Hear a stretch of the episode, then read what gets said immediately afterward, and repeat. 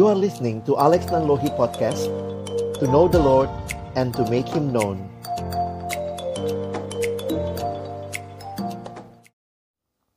Shalom teman-teman.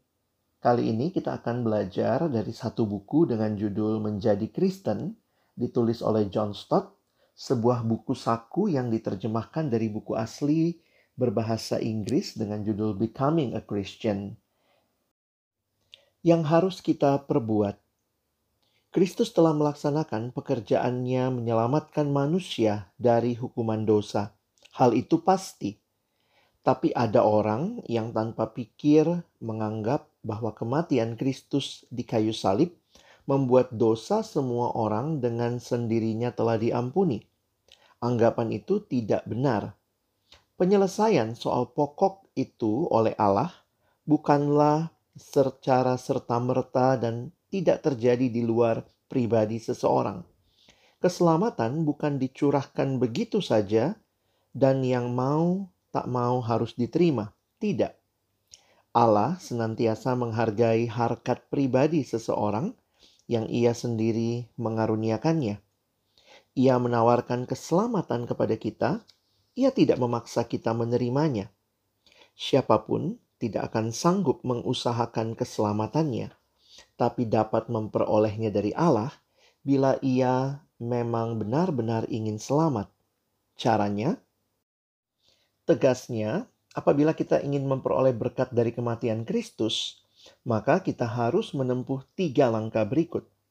Langkah pertama dan kedua yakni langkah persiapan. Langkah ketiga dan yang menentukan bila menempuh langkah ini berarti menjadi Kristen. Marilah kita dengan hati-hati meneliti ketiga langkah itu sambil dengar-dengaran kepada ayat-ayat Alkitab yang terkait dengannya. Pertama, kita harus mengakui di hadapan Allah bahwa kita berdosa dan lemah. Roma 3 ayat 22 sampai 23 tegas menyatakan bahwa tidak ada perbedaan karena semua orang telah berbuat dosa dan telah kehilangan kemuliaan Allah. Tanpa kecuali, semua orang telah berbuat dosa. Artinya, perbedaan dosa hanya dalam tingkatannya, namun hakikatnya tetap sama. Pernyataan ini juga berlaku bagi semua orang, juga bagi kita. Dalam berpikir, berbicara, dan berbuat, kita senantiasa melanggar perintah-perintah Allah. Kita serba berkekurangan dalam melakukan apa-apa yang harus kita lakukan. Karena itu, kita tersingkir dari hadirat Allah, seperti dinyatakan dalam Yesaya 59 ayat 2, yang merupakan pemisah antara kamu dan Allahmu, ialah segala kejahatanmu, dan yang membuat dia menyembunyikan diri terhadap kamu, sehingga ia tidak mendengar, ialah segala dosamu. Lagi pula, kita tidak akan sanggup memperbaiki hubungan kita pribadi dengan Allah. Betapa banyak dan betapa besar pun amal-amal yang kita perbuat, tapi toh kita tidak akan kunjung dapat membuat diri kita berkenan kepada Allah. Kita orang berdosa dan lemah, dan tak mungkin dapat mengubah keadaan kita. Kita benar-benar sangat membutuhkan Juru Selamat untuk membawa kita kepada Allah. Kedua, kita harus benar-benar mempercayai bahwa Yesus Kristus telah mati di kayu salib, justru menjadi Juru Selamat yang benar-benar sangat kita butuhkan. Galatia 2 ayat 20 menyatakan, Anak Allah yang telah mengasihi kita dan menyerahkan dirinya untuk kita. Dosa kita ditanggungnya dalam tubuhnya sendiri, dan ia dijadikan dosa untuk keselamatan kita. Lebih dari itu lagi, dengan rela ia menanggung hukuman atas dosa-dosa kita. Karena pendurhakaan kita, dia tertikam karena kesalahan kita, dia diremukkan. Hal itu paling tegas dan jelas dinyatakan dalam 1 Petrus 3 ayat 18 bahwa untuk bisa kita kembali kepada Allah, maka Kristus, orang yang tak berdosa itu, telah menanggung sengsara karena dosa-dosa yang telah kita perbuat. Kita orang berdosa.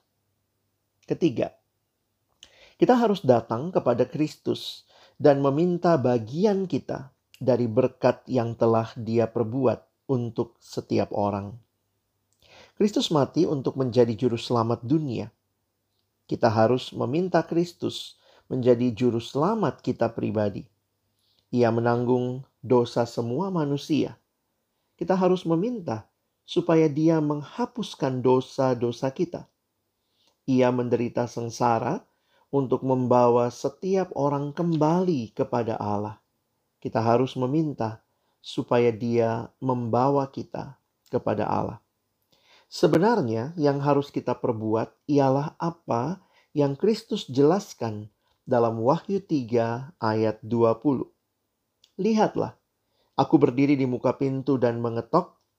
Jikalau ada orang yang mendengar suaraku dan membukakan pintu, aku akan masuk mendapatkannya dan aku makan bersama-sama dengan dia, dan ia bersama-sama dengan aku. Rumah itu ibarat hidup kita, dan Kristus berdiri di luar di depan pintu. Ia tidak akan memaksa kita membuka pintu itu, ia tidak akan mendobraknya. Dengan sabar, ia menunggu sampai kita sendiri secara ikhlas membuka pintu baginya. Lalu ia masuk. Seketika ia masuk, ketika itu juga ia menjadi juru selamat kita. Juru selamat yang benar-benar sangat kita butuhkan. Dan kita menyadari betapa kita telah diperdamaikan dengan Allah dan sekaligus menikmati persekutuan dengan Dia, yakni persekutuan untuk mana Ia menjadikan kita. Baik teman-teman, nantikan bab selanjutnya. Sampai ketemu.